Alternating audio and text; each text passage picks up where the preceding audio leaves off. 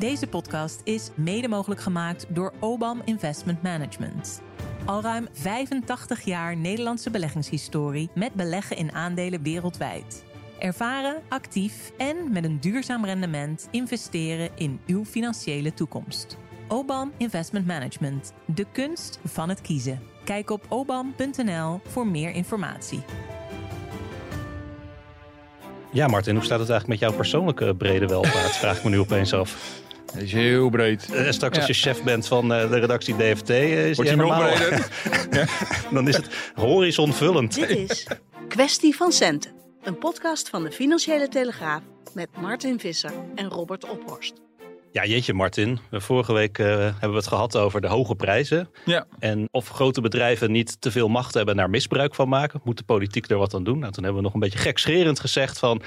Moet dan Mark Rutte gaan bepalen hoeveel een pak melk kost? Nou, de kwestie van centen stond nog niet online. Of eh, de Nederlandse overheid moet zich naar Frans voorbeeld meer bemoeien met de prijzen van dagelijkse boodschappen. Een milde vorm van prijsregulering moet er komen. Die Ja. oproep deed uh, hoogleraar Arnold Boot, gesteund door FNV. We worden beluisterd. We hebben Ja, invloed. ja, nou, En, maar eh, misschien helpt het ook. dat, ik zie ook wel een rode draad. dat ben ik misschien een beetje zelf.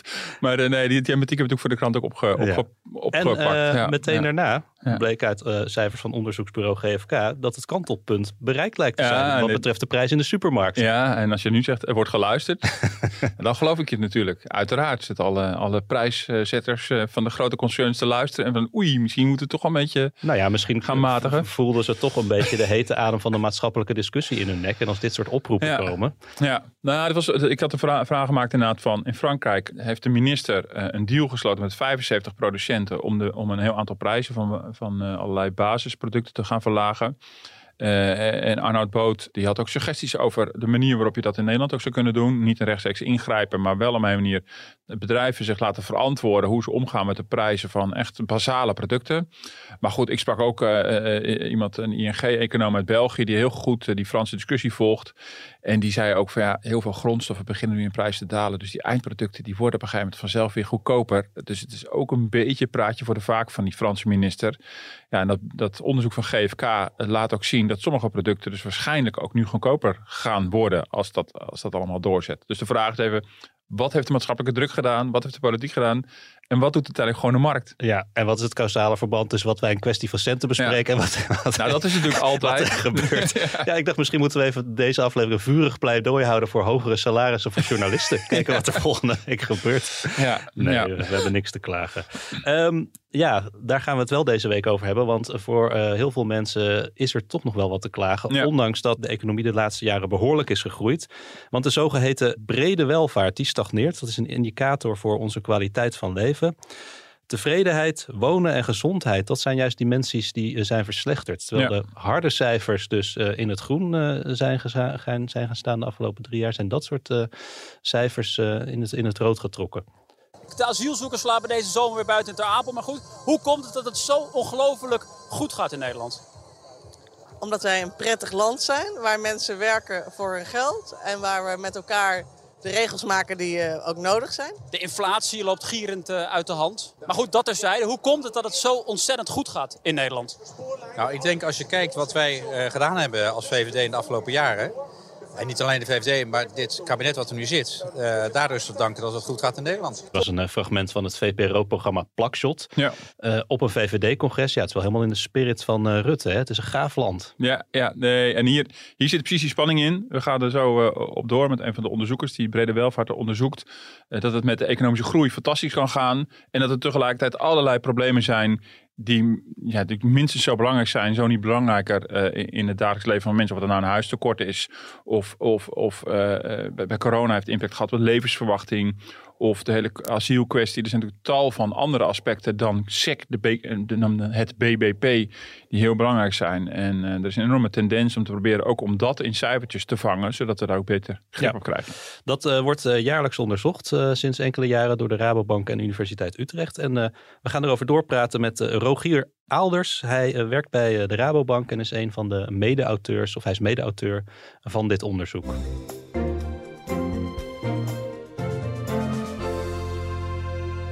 Brede welvaart, eh, wat is dat nou precies? Ja, brede welvaart gaat over, heel simpel gezegd, een bredere manier van het meten van welvaart. Traditioneel doen we dat eigenlijk vooral met economische maatstaven, zoals het uh, bruto binnenlands product, maar ook banen, uh, werkloosheid, inkomen, koopkracht, allemaal, allemaal aan de economische kant.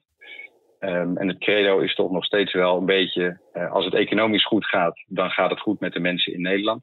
Maar met brede welvaart zeggen we ja, voor een goed leven, echt voor, voor het welzijn van mensen, is meer belangrijk.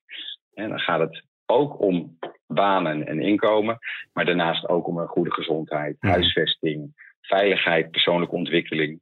En brede welvaart is een manier om, om rekening te houden met al die aspecten van welvaart. En dus een veel bredere wijze van, ja. uh, welvaart. Ik denk dat iedereen wel begrijpt dat dat ook dingen zijn die heel belangrijk zijn in een mensenleven en die geluk bepalen. Maar, maar je zegt terecht van uh, we kijken vaak naar de economische cijfers, maar dat is natuurlijk ook omdat dat dingen zijn die goed te meten zijn. Het aantal banen uh, bijvoorbeeld. Ik wil niet te diep in de methodiek duiken, maar toch even kort misschien. Hoe meet je dan die verschillende andere dimensies die ook heel belangrijk zijn?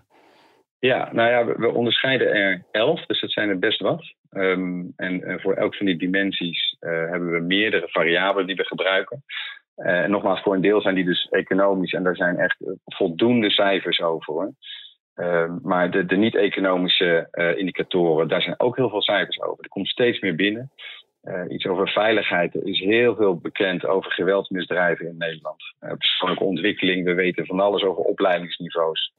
Uh, dus er is echt ontzettend veel beschikbaar. Um, ik kan me voorstellen dat uit het verleden, hè, waar vooral de economische maatstaven, maar met steeds meer beschik beschikbaar komen van data, is het, is het heel goed mogelijk om dit soort dingen um, ook op die andere dimensies goed te meten. En dan stoppen jullie die elf indicatoren in een grote pot. En die hussen jullie dan, heel oneerbiedig gezegd. Uh, maar ergens zit natuurlijk ook iets, in die zin iets subjectiefs of iets willekeurigs in. Hoe je natuurlijk, nou, ik noem er een paar, inkomen, werk-privébalans, huisvesting, veiligheid, milieu, hoe je dat allemaal weegt tot één groot cijfer. Hoe, hoe zijn jullie tot zo'n weging gekomen dan bijvoorbeeld? Ja, klopt. Ja, helemaal willekeurig uh, doen we het niet, maar het is inderdaad wel subjectief. Um, ja, we maken gebruik van een um, model van de OESO. Um, en, en, daar is voor een bepaalde weging gekozen, gebaseerd op enquêtes in Nederland.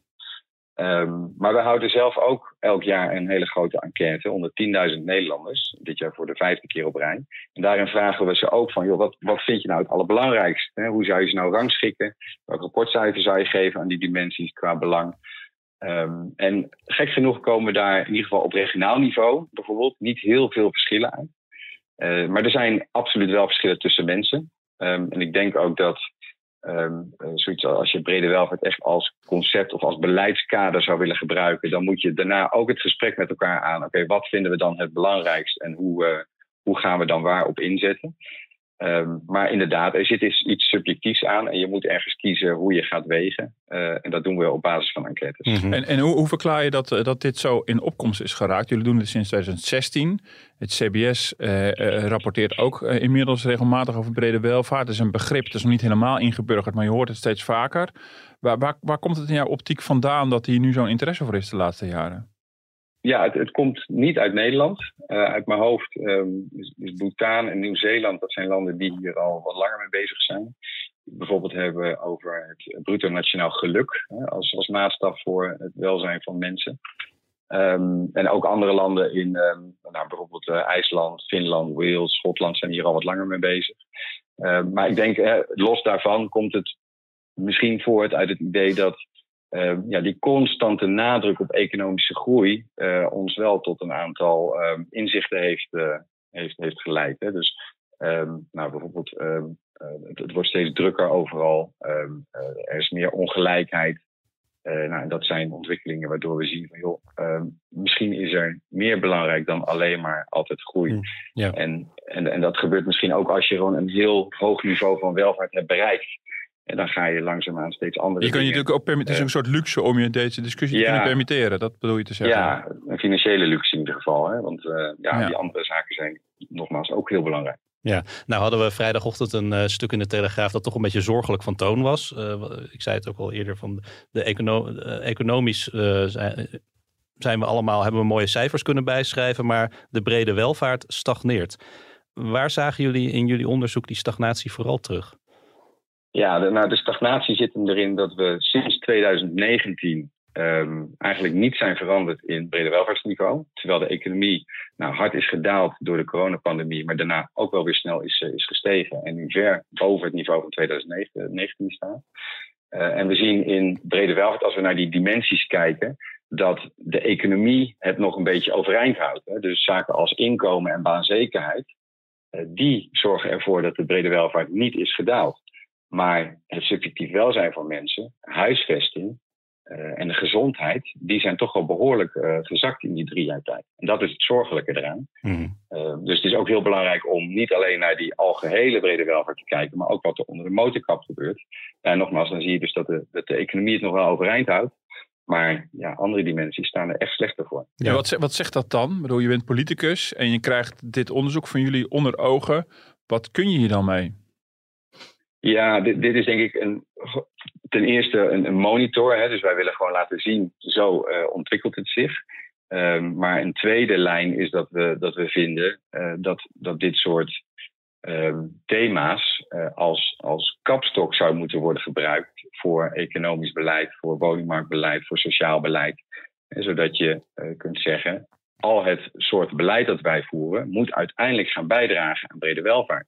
Dus ik denk dat het vooral een soort uh, bewustwording zou moeten creëren bij politici.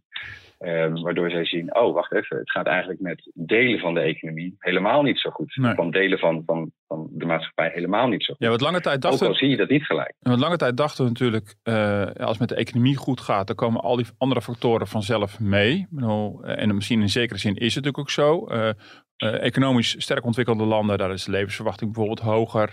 Uh, is de gezondheidszorg beter voor kwaliteit. Dus het is natuurlijk niet helemaal dat het niks met elkaar te maken heeft. Maar interessant vond ik onder andere in jullie stuk dat je laat zien van nou, er zijn in Nederland een paar groeimotoren. Dus qua regio. Een paar regio's die het economisch heel goed doen. Maar die tegelijkertijd op een aantal factoren van brede welvaart heel slecht scoren. Hoe zit dat? Ja, nou het is waar. Hè. Kijk, je, um, we, kopen een deel van onze zachtere welvaart, zou ik maar zeggen, ook met dat geld. Dus inderdaad, veiligheid, gezondheid kun je voor een deel kopen. Dus dat is waar. Maar als je eenmaal dat hoge niveau van welvaart hebt bereikt, en hoge veiligheid, hoge gezondheid, dan betekent het niet dat als je nog meer uh, geld hebt, dat je dan ook nog gezonder wordt. Hè, dus vooral in die marge, um, daar, daar geldt het dan niet per se altijd.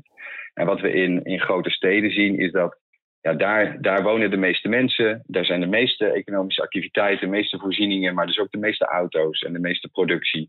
Um, en dat, dat heeft, nou, die, die hoge concentratie en massa heeft bijvoorbeeld tot gevolg dat de veiligheid daar lager is. En dat de gezondheid daar over het algemeen lager is. Ja, en daar en, minder goed is. En, en, een voorbeeld vond ik interessant. Dat is dan niet in de grote steden, maar middelgroot bij Eindhoven. In Veldhoven is dat ASML. Uh, ja. Wereldvermaard vanwege zijn chipsmachines die ze maken. En jullie conclusie is eigenlijk, het is niet zo dat de regio rondom Veldhoven nou automatisch mee omhoog wordt gezogen, omdat daar echt een fantastisch bedrijf zit met een enorme economische meerwaarde. Die regio heeft er betrekkelijk weinig aan, zeggen jullie. Dat vind ik ja. best wel een stevige conclusie eigenlijk. Nou, de, de, regio heeft er heel veel aan. En delen van de regio gaan absoluut mee met dat succes van ASML. Maar? Uh, er zitten denk ik, ik twee maar. dingen in. Ja. Maar twee ja. dingen. Eén is dat, uh, dat dat nog steeds vooral om die economische kant gaat. En op het gebied van huisvesting uh, loop je het risico dat daar de druk op de woningmarkt ook heel groot wordt en dat er mensen steeds minder tevreden worden met hun huis. Door al die, de, al die experts die daar de markt uh, over spoelen. Ja, dat is eigenlijk het, het, tweede. En dat is dat niet iedereen meedoet met die, met die host. Dus ja, er zijn ook mensen die niet bij ASML of, of, uh, of die toeleveranciers werken. En die dus geen huis meer kunnen vinden, bijvoorbeeld in hun eigen regio. Nou, en voor die mensen uh, zien we dan dat de, de brede welvaart juist daalt. Die zijn en daar moet je iets mee. Dus die zijn eigenlijk slachtoffer van het succes van een bedrijf als ASML dan? Beetje wel, ja. ja. Nou schrijven jullie ook in het rapport um, dat er uh, wel uh, grote verschillen bestaan tussen regio's met de hoogste en laagste brede welvaart. En dat die verschillen ook de afgelopen tien jaar groter zijn geworden. Nou gaat het in het maatschappelijke en politieke debat de laatste tijd vaak over de kloof. Is dit nou een voorbeeld ja. van een kloof? Um, ja, maar ondanks dat die verschillen steeds groter worden, zijn ze op regionaal niveau nog steeds betrekkelijk klein. Uh, wat we zien is dat die, die topregio's en die onderste regio's wel wat uit elkaar lopen, maar de middengroep zit eigenlijk heel dicht bij elkaar. En dat concludeerden we ook al in andere studies waar we die, uh, die enquête-uitkomsten gebruiken. Want dan hebben we microdata en daaraan zien we dat ehm, dat de verschillen tussen bevolkingsgroepen veel groter zijn. En dus mensen zonder werk met een laag inkomen hebben een veel lagere brede welvaart, ook op de niet-economische dimensies, dan mensen met een baan en een hoog Hm. inkomen. Dus verschillen binnen de regio's zijn groter dan tussen de regio's. Absoluut. absoluut. Ja, maar het- stel dat we, we visualiseren ons een kaartje van Nederland. En, en, en de regio's met een lage brede welvaart zijn knalrood. En die met een hele hoge zijn heel erg groen. Hoe ziet het kaartje er dan uit? Wat, zien we een dikke streep tussen de Randstad en het platteland, waar het de laatste tijd heel vaak over gaat? Of zien we dan een hele andere schakering? Nee, dat zien we niet. We, we zien ehm, een paar dingen. Ehm, de rode regio's zijn, wat ik net al zei, de grootstedelijke regio's in de Randstad.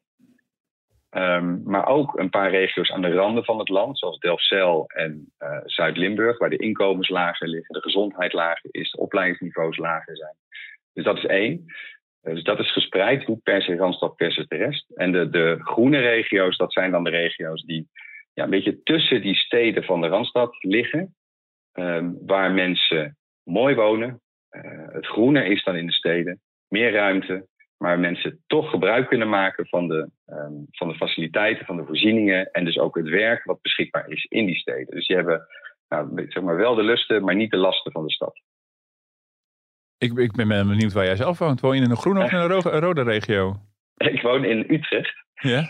Eh, de stad Utrecht. En ehm, ehm, nou, dat, dat is dan weer een ander puntje. Utrecht is, eh, is één regio en daar zit natuurlijk de Heuvelrug in. Daar zit eh, de stad Amersfoort en Utrecht zitten daarin. Maar ook een deel van het Groene Hart. Dus dat is een, een mengelmoes van allerlei soorten gebieden. Ja. En daardoor is het best een, eh, nou, een gebied met een hoge brede welvaart. ja, precies. En Den Haag, Rotterdam en Amsterdam kijken jullie meer echt specifiek naar de grote stad. En Utrecht is toevallig qua indeling. Ja, ja dus dat is een soort kijk, hoe- mengeling van hoe- van alles. Ja. Hoe lager je gaat kijken, als je kijkt naar wijken of zelfs naar buurten, dan worden de verschillen natuurlijk steeds groter. Ja, hoe ik- hoger het schaalniveau, hoe meer het wordt uitgevlakt. Ja, ik was ook nog wel benieuwd om nog te horen eh, waarom de Rabobank dit doet. Ik bedoel, dit is toch allemaal veel te soft voor jullie. Jullie moeten, gewoon, jullie moeten toch gewoon euro's verdienen? Nou, dat, dat moet ook. Maar eh, daarnaast denken wij dat we, dat we een, een hele belangrijke rol hebben als, ehm, eh, als bank in de maatschappij. Ehm, eh, wij hebben natuurlijk ontzettend veel klanten, zowel aan de particuliere als aan de zakelijke kant. En we vinden dat het ook onze taak is om ervoor te zorgen dat nou, Nederland een fijn land is voor hen om te wonen en te werken. Ehm, en omdat wij die netwerken hebben, zetten we die ook in. Ehm, eh, daarnaast proberen we dat eh, zoveel mogelijk met kennis te doen. Dus eigenlijk is het een beetje de, driehoek financier, eh, kennisleverancier en netwerkonderhouder, zou ik maar zeggen. Eh, waarmee we proberen om welzijn en welvaart in Nederland eh, te verhogen. Maar er zullen ongetwijfeld wel eens collega's van je zijn geweest die zoiets van, Rogier, wat, wat een soft gedoe van jou allemaal. Kom op zeg. Of, eh, of werd het meteen geaccepteerd binnen de bank om met dit soort thema's bezig te zijn? Nou, nee, dat eerste sowieso niet, wat een soft gedoe. Nee? Oké. Eh, nee, mensen zien wel in dat dit soort dingen ook belangrijk zijn. Soms is er wel eens, eh, ja, is, is dit nou iets voor een bank? Maar dat is eigenlijk heel goed uit te leggen. Eh, en wij hebben intern natuurlijk ook discussies met onze collega's over, eh, over economie versus brede welvaart en hoe dat met elkaar samenhangt. Maar dat, ja, dat gaat gewoon op een hele gezonde manier. Met de blik vooruit. En eh, hoe gaan we hier in de toekomst naar kijken? Ja, Ehm, collega's van jou hebben onlangs ook een rapport gemaakt over grijflatie. Nou, dat heeft een hele hoop eh, discussie en ook controverse opgeleverd. Ook de Rabobank is daarover bek- bekritiseerd. Verwachten jullie dat dit net zo eh, net, net zo'n veel besproken onderzoek wordt? Eh, nou, ik hoop wel zoveel besproken in ieder geval. dat het eh, ook veel teweeg brengt.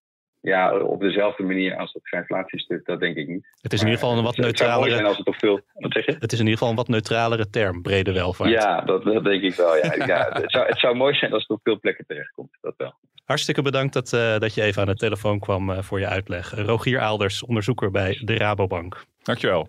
Graag gedaan.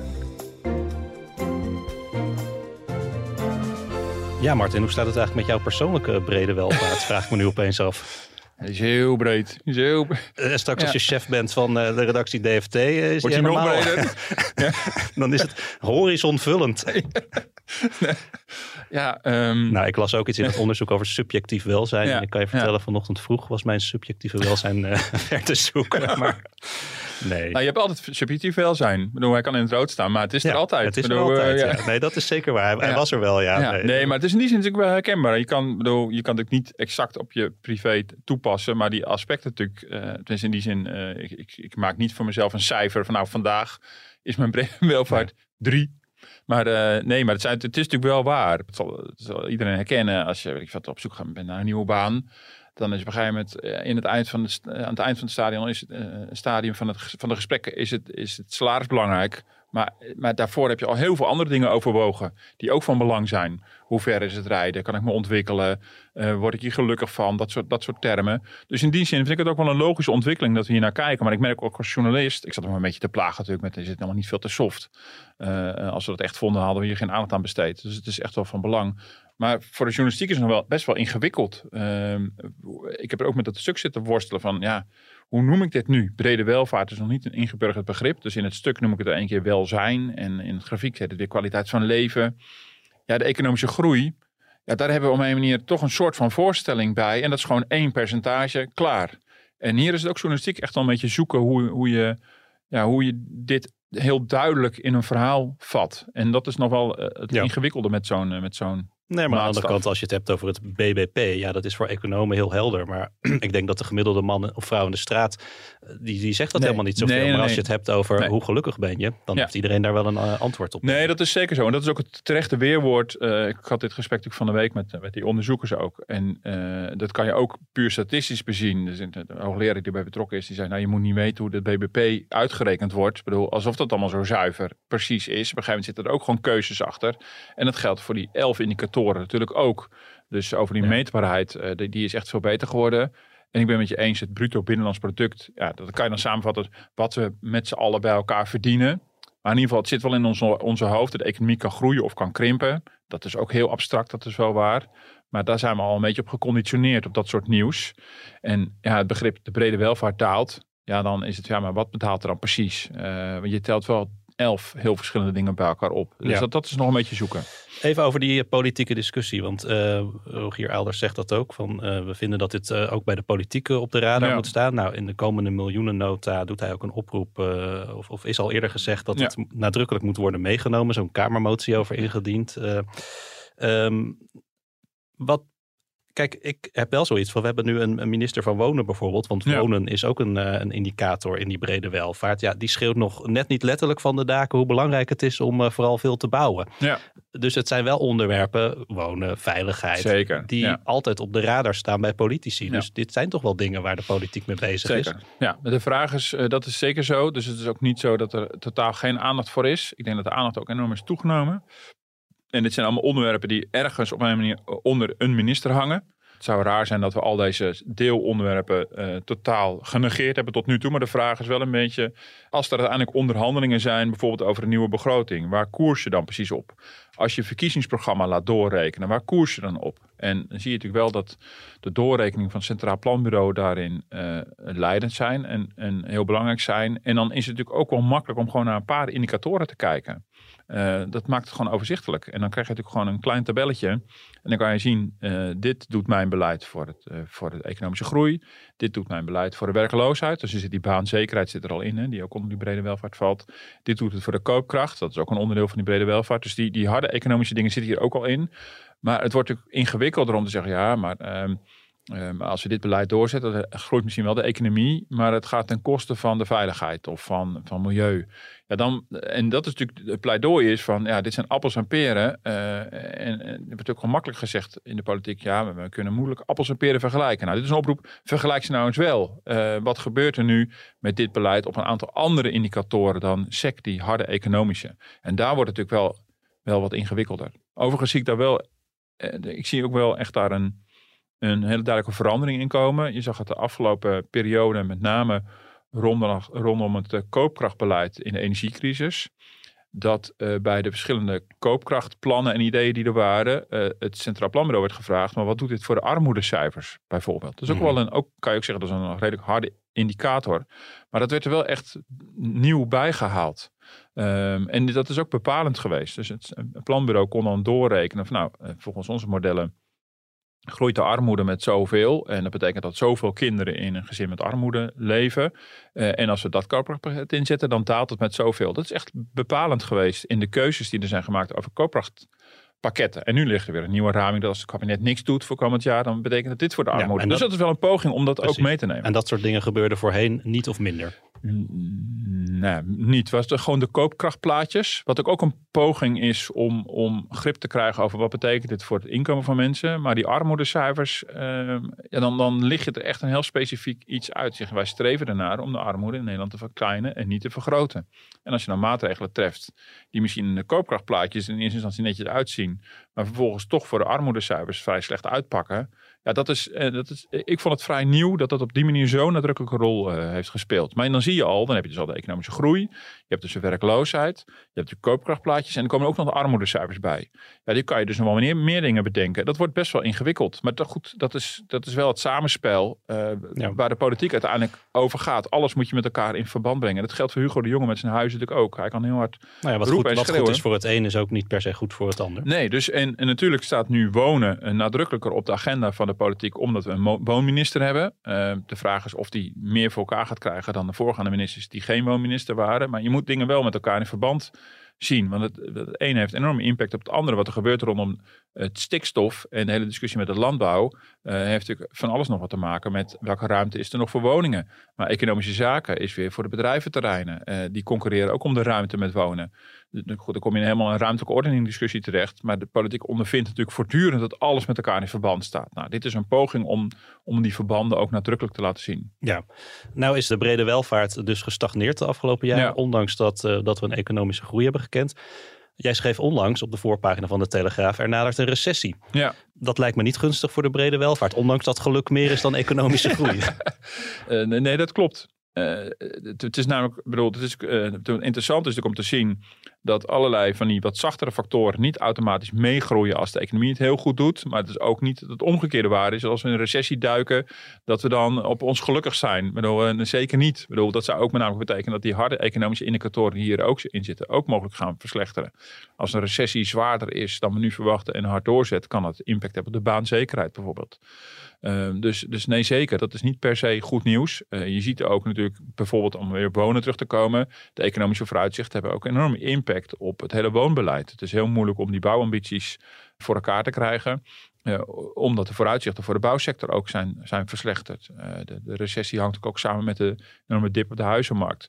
Dus het is, het is niet echt per se heel goed nieuws uh, dat het er zo, uh, ja, ook niet voor die brede welvaart dat de recessie eraan komt. Want dat is wat anders dan, misschien ook een thema om ooit nog te bespreken, hebben we ons een keer over gehad, over de degrowth, of de, dat we niet meer moeten groeien of moeten krimpen.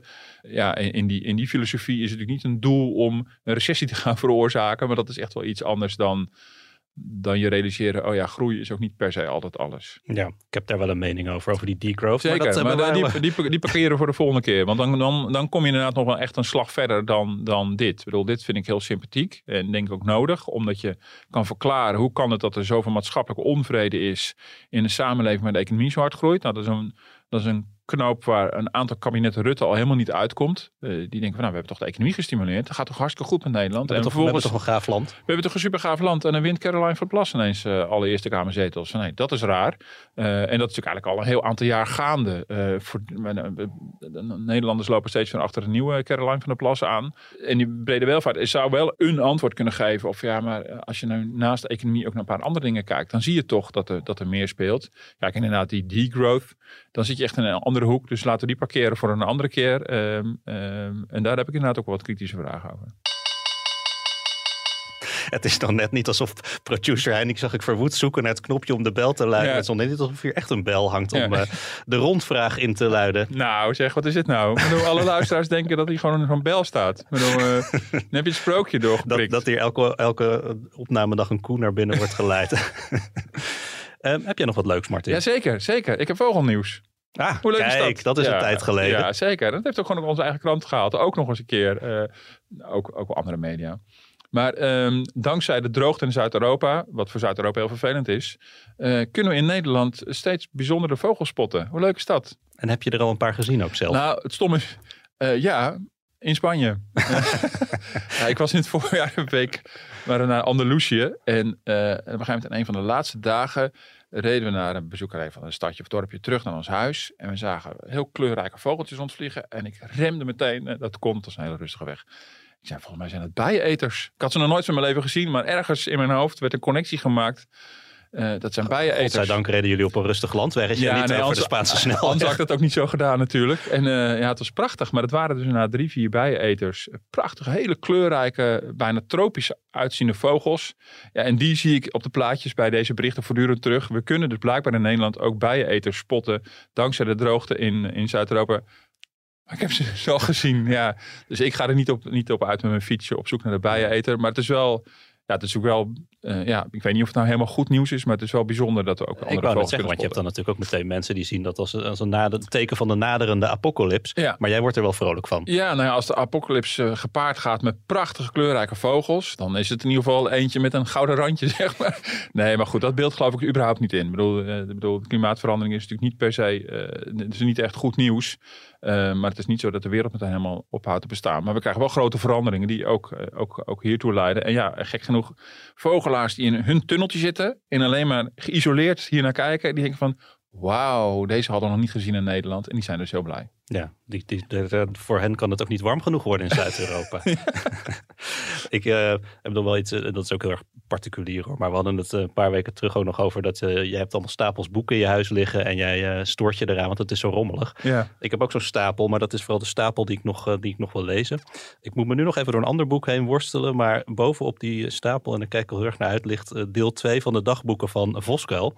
Ik ben een, oh, ja. sinds een paar jaar heb ik een kleine Voskuil-obsessie en net toen ik alle, al het werk had gelezen, uh, kwam het eerste deel van, uh, van zijn dagboek uit. Han Voskuil heeft uh, zijn hele leven een dagboek bijgehouden. dat vormt ook, zo lijkt het, de basis voor veel van zijn literaire werk. Um, en ik dacht bij dat eerste deel, dacht ik van jeetje, moet ik nou nog 700 uh, pagina's ook uh, dagboekaantekeningen gaan, uh, gaan doornemen. Zijn natuurlijk allemaal dik hè? Dus, ja, ja, is dit nou wel leuk? Maar ik was eigenlijk meteen, meteen weer gegrepen oh, vanaf het begin.